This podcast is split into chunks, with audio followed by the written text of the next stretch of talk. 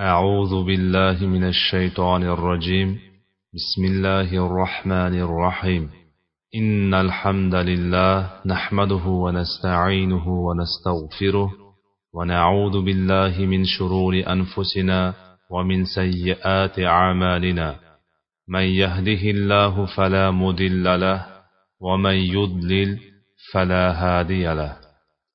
واشهد ان لا اله الا الله وحده لا شريك له واشهد ان محمدا عبده ورسوله السلام عليكم ورحمه الله وبركاته aziz birodarlar muhtarama opa singillar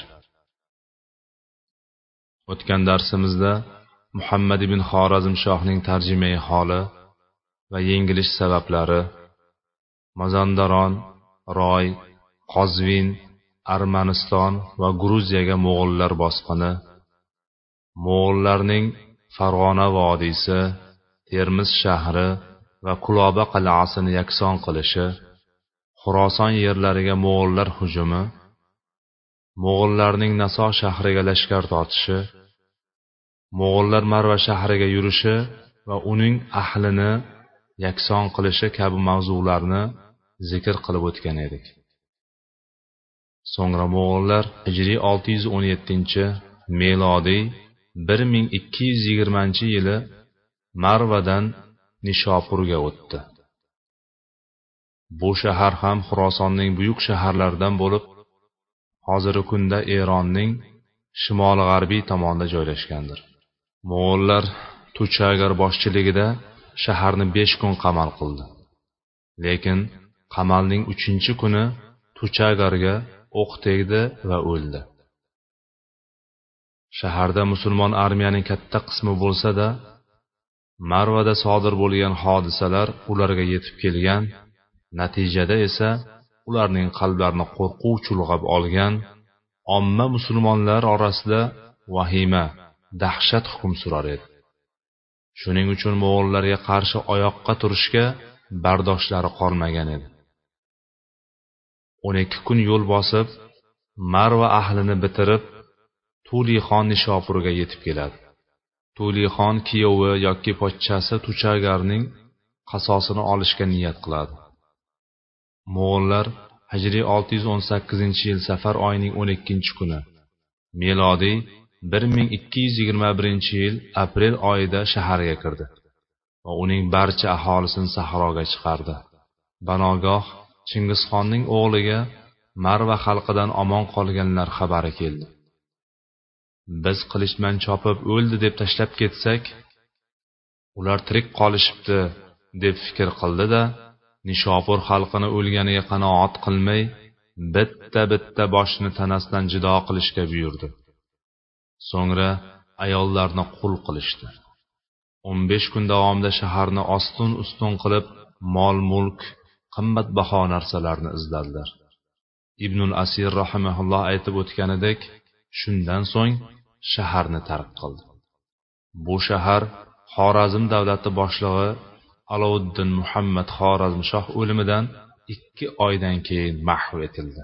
Vala havla vala quvvata illa billah. So'ngra mo'g'ullar afg'onistonning shimoli g'arbiy tomonida joylashgan hirot shahriga yo'naldi. Ular marva va nishopur shaharlari yakson etilganidan so'ng bironta shaharga omonlik bermadi. Erkaklarni o'ldirdi ayollarni qul qildi va barcha shaharlarni xonavayron qilib o't qo'ydi. Lekin bu shaharning amiri ya'ni hirot shahrining amiri malikxon bir qism armiyasi bilan jang bo'layotgan joydan uzoqroqdagi afg'onistonning janubida joylashgan g'azna shahriga qochib ketdi. Mana shunday. O'sha paytdagi amirlar boshliqlar xalqi mo'g'ullarning vulqoni xavf xatariga tushgan vaqtda xalqini tashlab o'zlari qochib qutular edi. Ibnul asir rahimaullohning fikriga ko'ra tulixon hirotni o'n kun qamal qildi. So'ngra shahar xalqi undan omonlik so'radi. U har doimgidek dastlab omonlik berib so'ngra ahdiga vafo qilmadi hirot ahlidan o'n ikki ming kishi hayotiga zomin bo'ldi. Va shaharga o'ziga itoatdagi musulmon askarini voliy qilib qoldirdi. O'zi esa otasi chingizxonning buyrug'i bilan toliqon shahriga jo'nadi. Hirot shahrining egallanishi butun xuroson mintaqasini mo'g'ullar qo'lida ishg'oli edi. Xurosonda bitta ham shahar qolmadi. Zikr qilingan hodisalarning barchasi hijriy 617 milodiy 1220 yilning oxirlari hijriy 618 milodiy 1221 sananing boshlarida yuz berdi. Bu hodisalar mutloq yer kurrasi tarixida sodir bo'lgan voqealarning eng hayratli va ajablanarlilaridan biri bo'lgan edi. Subhanalloh. Xorazm diyoriga mo'g'ullar bosqini. Xorazm shahri xorazm mintaqasidagi shaharlarning eng mashhurlaridan edi. Xorazm shohning ahli oilasi shu shaharda istiqomat qilgani bois musulmonlarning katta jamoasi bu shaharga yerlashgan edi. Shaharning qo'rg'oni ancha mustahkam edi. Ushbu shahar hozirda o'zbekiston va turkmaniston o'rtasidagi jayhun ya'ni amudaryo daryosining atrofidagi hududlarga to'g'ri keladi. Musulmonlarning juda ulkan iqtisodiy strategik va siyosiy qiymati mujassamlashgan joy edi. Bunday ahamiyatga ega bo'lgan shaharga chingizxon eng katta qo'shinni jo'natdi. Bu qo'shin shaharni to'liq besh oy qamal qildi. Doktor muhammad sallabiy fikriga ko'ra shahar olti oy davomida chingizxonning ikki o'g'li jo'ja va chig'atoy boshchiligida qamal qilinadi. Biroq uni ishg'ol qila olmaydi va chingizxondan yordam so'raydi.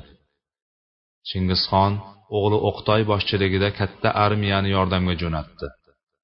Har tomondan qilingan tinimsiz hujumlar oqibatida shahar devori dars ketib mo'g'ollar shaharga kirishga muvaffaq bo'ldi. Shaharda musulmonlar bilan mo'g'ullar o'rtasida shiddatli dahshatli jang ketdi. Ikkala tomondan ham sanoqsiz qurbonlar berildi. Musulmonlar mag'lubiyatga uchray boshladi. Jang g'oyat shiddatli kechganidan musulmonlar qochib chuqurlar omborlar va uylarga berkina boshladi.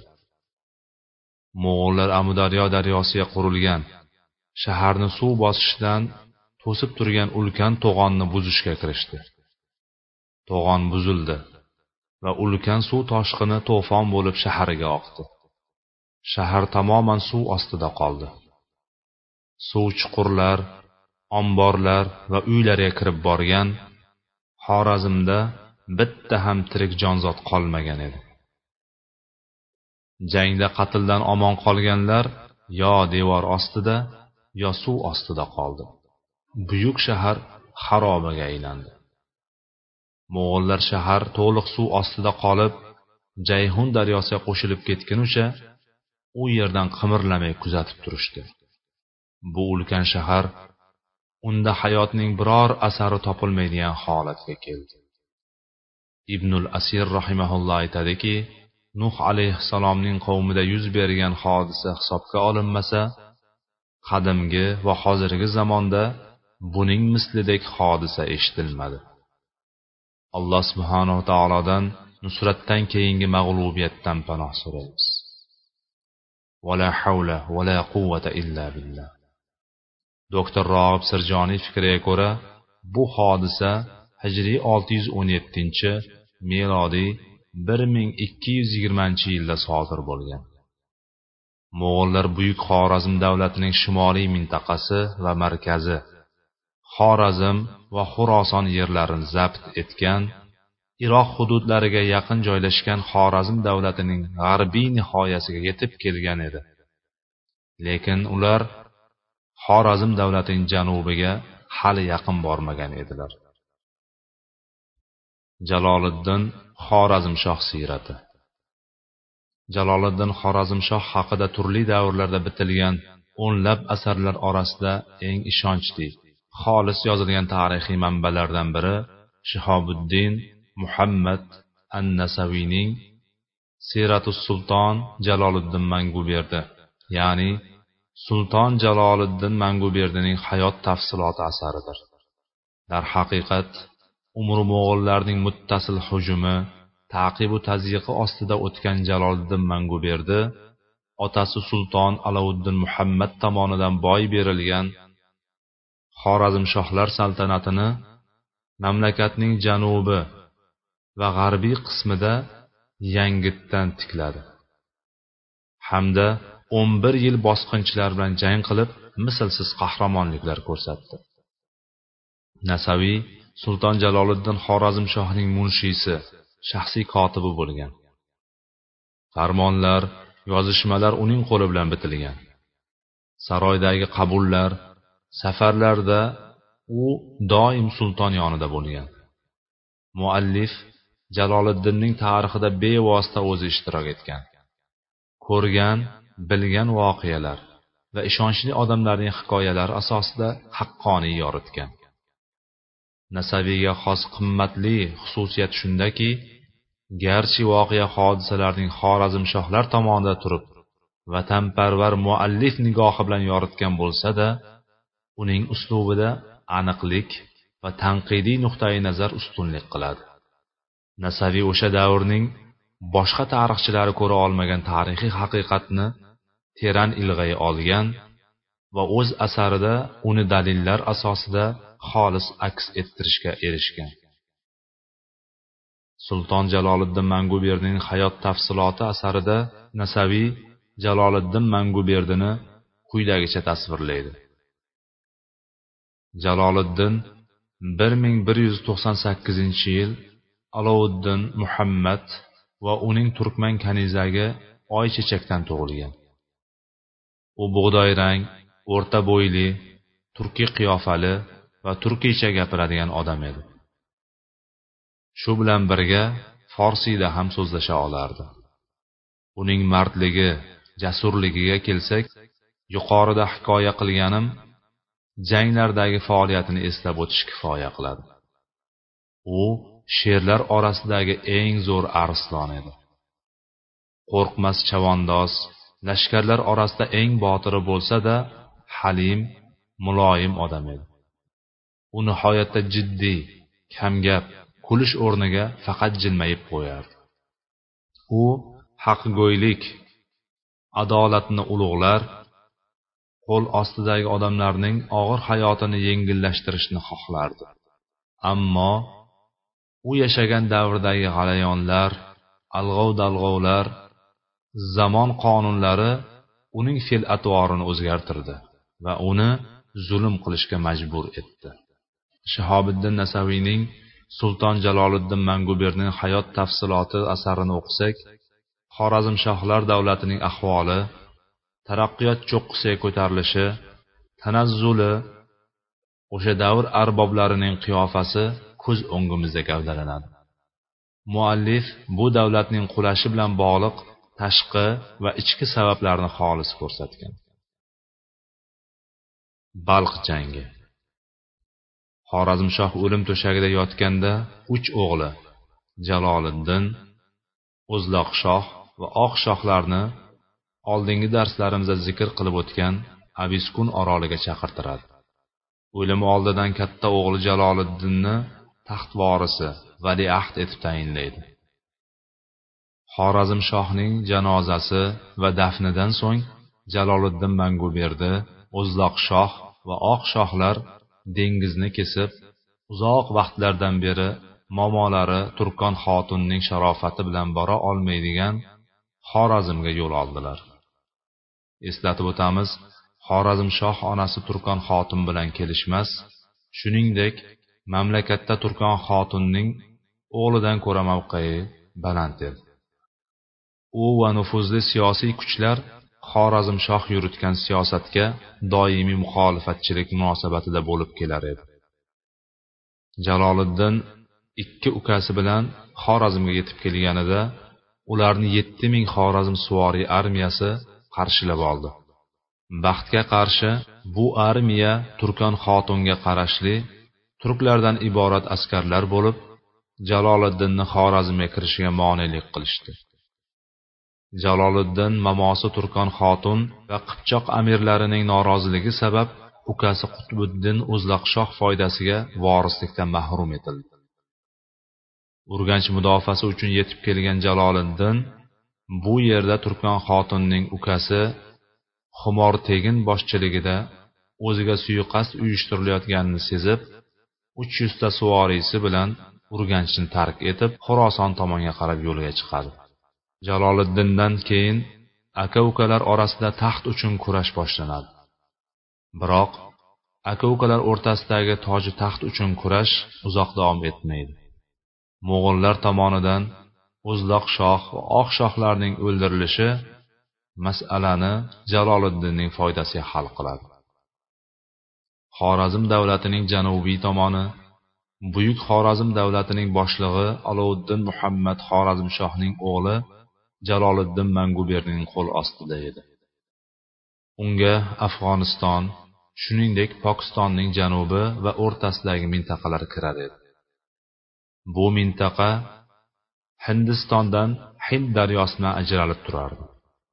Jaloliddin manguberdi hozirda afg'onistonda joylashgan g'azna shahrini o'ziga qarorgoh tutgan edi. Bu shahar qobildan bir yuz ellik kilometr janubda joylashgan bo'lib atrofi tog'lar bilan o'ralgan juda mustahkam shahar edi. Chingizxon xorazmshoh davlatini dahshatli ko'rinishda mahv etgandan so'ng afg'onistonning markazi va janubiga yurish qilishni reja qildi. U buyuk xorazm davlatini butunlay bosib olishni xohladi. Va muhammad ibn xorazm shohdan so'ng taxtga o'tirgan jaloliddin manguberdi ishini tamomlamoqchi bo'ldi. Shu yuzdan chingizxon hisobsiz juda katta mo'g'ul lashkarini g'azna shahriga yo'lladi. Xorazm davlatining o'rtasi va shimoliy vohasida sodir bo'lgan mo'g'ullarning dahshatli qirg'ini vahshiyliklardan jaloliddin manguberdining xabari bor edi. Jaloliddin manguberdi xorazm davlatiga shar'iy boshliq bo'ldi va juda katta mas'uliyatni o'z zimmasiga oldi. Mo'g'ullarga qarshi jangga tayyorgarlik ko'ra boshladi. Mamlakatidan katta sondagi qo'shin to'pladi. Turk amirlaridan bo'lgan sayfiddin buqroq al xolijiy ismli amir uning safiga qo'shildi. Bu amir o'ta shijoatli botir oqil jang sirlaridan boxabar uddabiron va mohir jangchi bo'lib o'ttiz ming turk jangarilari bor edi. Yana ko'p islom shaharlaridan mo'g'ul bosqini vaqtida qochish nasib bo'lgan xorazm armiyasining oltmish ming jangchilari kelib qo'shildi. Hirot shahrining amiri malikxon bu kishi nasaviy zikr qilgan jaloliddinning tag'ovatchasi amin malikdir. U ham kelib qo'shildi. U hirotdan mo'g'ul bosqini chog'ida bir guruh qo'shini bilan juftakni rostlab qolgan edi. Shuningdek qarluqlar yo'lboshchisi hasan qarluq muzaffar malik va balx hukmdori a'zom maliklar ham jaloliddinga qo'shildilar. Jaloliddinning lashkari juda katta songa yetdi. Qo'shinning aniq bir sanog'i zikr qilinmagan.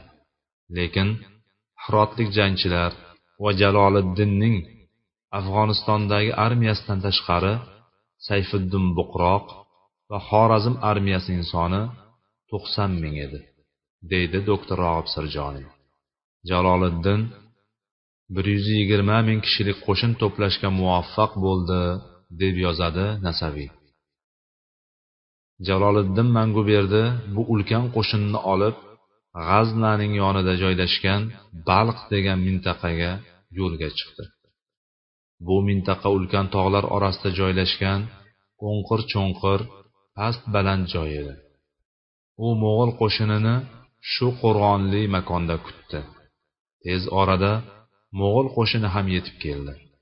Jaloliddin manguberdining birlashgan quvvati bilan mo'g'ul quvvati to'qnashdi. Bu mintaqada shafqatsiz va dahshatli jang sodir bo'ldi.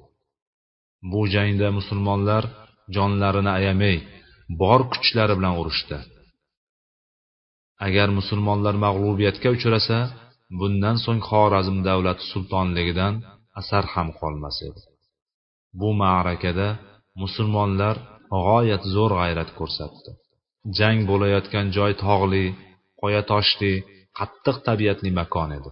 Shuningdek musulmonlarning ko'pligi sayfiddin buqroq boshchiligidagi turk jangarlarining o'ta shijoatli ekanligi jaloliddinning jang maydonidagi boshchiligi musulmonlarning mo'g'ullar qarshisida sobit turishiga ochiq ta'sir ko'rsatgan edi.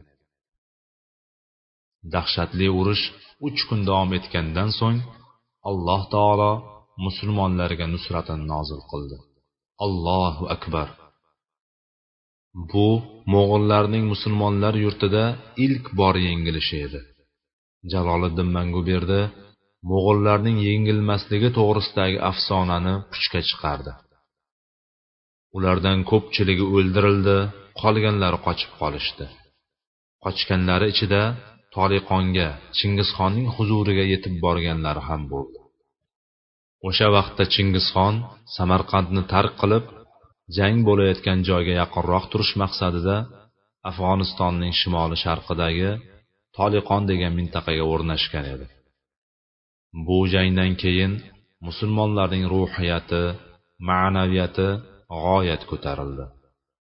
Bundan oldin ko'pchilikning qalbida mo'g'ullarni yengib bo'lmaydi degan tushuncha bor edi. Lekin islom lashkarlarining g'aznada birlashishi o'z natijasini bergan edi. Bu ma'rakada jaloliddin manguberdi otasi muhammad ibn xorazmshohning armiyasidan qolgan. Qo'shin bilan sayfiddin buqroq boshchilik turk armiyasi hirotning amiri malikxonning qo'shini shuningdek qarluqlar yo'lboshchisi hasan qarluq muzaffar malik va balx hukmdori a'zom maliklar bilan birlashgan edi. Hamda jang qilish uchun juda munosib joy tanlangan qilish mumkin bo'lgan sabablar ushlangan edi ham nusrat berildi. Jaloliddin manguberdi o'z lashkaridan mamnun va xotirjam edi. Toliqonda o'tirgan chingizxonni yangi jangga chorlab unga maktub yo'lladi. Chingizxon birinchi marotaba alamni his qildi. Katta qo'shin hozirlab o'g'illaridan birini bosh qilib musulmonlarga qarshi urushga jo'natdi. Muhammad sallobiy fikriga ko'ra tulixonni bosh qilib jo'natdi. Musulmon qo'shin ham hozirligini ko'rdi. Ikki taraf qo'shinlari afg'onistondagi qobul shahrida to'qnash keldi. Jang qobul shahri yonidagi parvon cho'llarida sodir bo'ldi. Shuning uchun ko'p manbalarda bu jang parvon jangi parvon g'alabasi deb nomlangan. Qobil tabiiy qo'rg'onli shahar bo'lib taqriban hamma tomonidan tog'lar bilan o'ralgan. Shimoliy tarafida baland hindukush tog'i g'arb tarafida paropamiz tog'i janub va sharq tarafida sulaymon tog'i bor. Qobilda buyuk jang sodir bo'ldi. Bu jang balq jangidan ko'ra qattiqroq shafqatsiz va ashaddiy tus oldi. Musulmonlar sobit turdi sabr qildilar. Natijada ikkinchi bor mo'g'illar ustidan g'alaba qozondilar. Allohu akbar. Va bir necha o'n ming musulmon asirlar mo'g'ullar qo'lidan ozod qilindi. Musulmonlarning ruhiyati ma'naviyati g'oyat ko'tarildi va cheksiz quvondilar xursand bo'ldilar. Bu ikki jang musulmonlarning qayg'u alamlarining nihoyasi deymiz. Lekin qissadagi achchiq va hayratli fojiaga kelib qoldik. Ba'zilar bu g'alabalarni ne'mat deyishadi. Lekin aslini olganda katta sinov edi. Shunday hodisa yuz berdiki bunda nusrat musulmonlardan olinib yana mo'g'ullarga qaytarib berildi. Ajabo bu qanday hodisa ekan? Bu fojia nima ekan? Jaloliddin ibn muhammad ibn xorazmshohning oqibati nima ekan? Afg'onistonning oqibati nima bo'ladi? Islom olamidagi buyuk xorazm davlatining ag'darilishiga sabab bo'ladigan narsa nima ekan? Ko'pchilik insonlar ne'mat deb e'tibor qilgan aslini olganda sinov bo'lgan narsaga musulmonlar ega bo'ldilar. Bu narsa g'animat o'ljalar edi. Mol dunyo qancha qancha musulmonlarni halok qildi? Imom buxoriy va muslim amir ibn af roziyallohu anhudan rivoyat qiladi. Rasululloh sollallohu alayhi vasallam shunday deb marhamat qildilar. Allohga qasamki men sizlarga faqirlikdan qo'rqmayman. Men dunyo sizga sizdan oldingilarga bo'lganidek serob bo'lishidan siz ham ular uning uchun talashganlaridek talashib ketishingizdan va u ularni halok qilganidek sizni ham halok qilishidan qo'rqaman dedilar. O'sha davrda musulmonlarning qalblari bedavo dard dunyoga hirs qo'yish dardiga mubtalo bo'lgan edi. Albatta alloh rahm qilganlar bundan mustasno. Musulmonlarning janglari alloh yo'lidagi jihod ruhidan biroz uzoqlashgan moddiyat qavmiyat manfaat va nafs havolariga berilish dunyo hayotiga muhabbat podsholikka rag'bat asirga tushish va o'ldirilishdan qo'rqishdan iborat edi. Musulmonlar mo'g'ullar ustidan ikki marta g'alaba qozondilar. Lekin mol dunyo va g'animatlar qarshisida o'rtalariga fitna oraladi. Musulmonlar fitnaga giriftor bo'ldi va g'animatlar taqsimotida ixtilofga borishdi. Turk amiri sayfiddin buqroq bilan hirot shahrining amiri malikxon g'animatlardan o'z ulushlarini talab qildilar va talashib qolishdi. Natijada ovozlar baland ko'tarildi. So'ngra ovozlar ortidan qilichlar ko'tarildi. Katta islom shaharlari mo'g'ullar iskanjasida bo'la turib musulmonlar g'animat ustida bir birlari bilan urush qildi. Musulmonlar dastidan birodarlari jon berdi. Bu jon berganlar jumlasida sayfiddin buqroqning ukasi ham bor edi. Sayfiddin buqroq qattiq g'azablangan holatda o'ttiz ming askarini olib jaloliddin manguberdining qo'shinidan ajralib ketdi. Ushbu voqea musulmonlar safida juda katta parokandalikni keltirib chiqardi. Bu hodisani doktor muhammad Sallari quyidagicha bayon qiladi. Sayfiddin buqroq bilan malikxon bitta arab ayg'iri ustida talashib qolishdi. Ikkalasi ham ayni otni o'ziniki bo'lishini xohladi. Natijada janjal chiqdi. Malikxon sayfiddin buqroqning boshiga yuzi aralash qamchi tortdi. So'ng yuqorida zikr qilganimiz bo'linish yuzaga keldi. Parvon jangida ko'p sonli mo'g'ullar ustidan yirik g'alaba qozonildi. Biroq jaloliddin parvon g'alabasi samarasidan foydalana olmadi. Jangda qo'lga kiritilgan o'ljalarni taqsimlash vaqtida chiqqan nizo tufayli sayfiddin buqroq azom malik va muzaffar malik sultonni tashlab ketdi. Ushbu ish ular nihoyatda zarur va yordami kerak bo'lgan paytda ro'y berdi. Va bu bilan ular yuzlariga uyatsizlik tamg'asini bosdilar deb yozadi nasaviy. Jaloliddin manguberdi muammoni hal qilishga harakat qildi. Zudlik bilan sayfiddin buqroqni musulmonlar safiga qaytarishga kirishdi. Chunki musulmonlar har bir jangchiga va har qanday yordamga muhtoj edilar. Ustiga ustak sayfiddin buqroq jangchilarining ajralib ketishi qolgan musulmonlarning ma'naviyatiga va ruhiyatiga jiddiy ta'sir qilar edi. Ajralib ketgan turk jangchilari qo'shinning eng quvvatli bo'lagi edi. Lekin sayfiddin buqroq ajralib ketish fikridan qaytmadi va buni amalda ham ko'rsatdi. Musulmonlar qo'shini ham moddiy ham ma'naviy jihatdan sindi.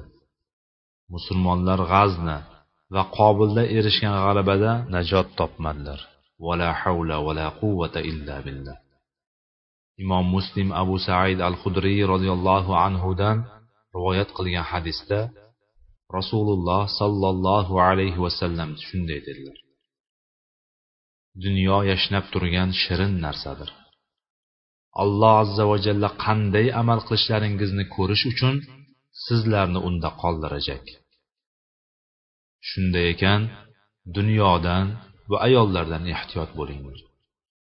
Zero bani isroilning ilk fitnalanishi ayollar xususida bo'lgan edi. O'sha zamonda musulmonlar dunyoning haqiqatini anglab yetmadi. Dunyo qarorgoh omon qolish va mangulik diyori emas balki vaqtinchalik foydalanish va sinov diyoridir vaqtimiz oxirlab qolgani sabab darsimizga shu yerda yakun yasaymiz. Vallohu taala alam. Subhanakallohumma va bihamdik. Ashhadu an la ilaha illa anta astag'firuka va atubu ilayk. Va akhiru da'wana alhamdulillahi robbil alamin. Vassalomu alaykum va rahmatullohi taala va barakatuh.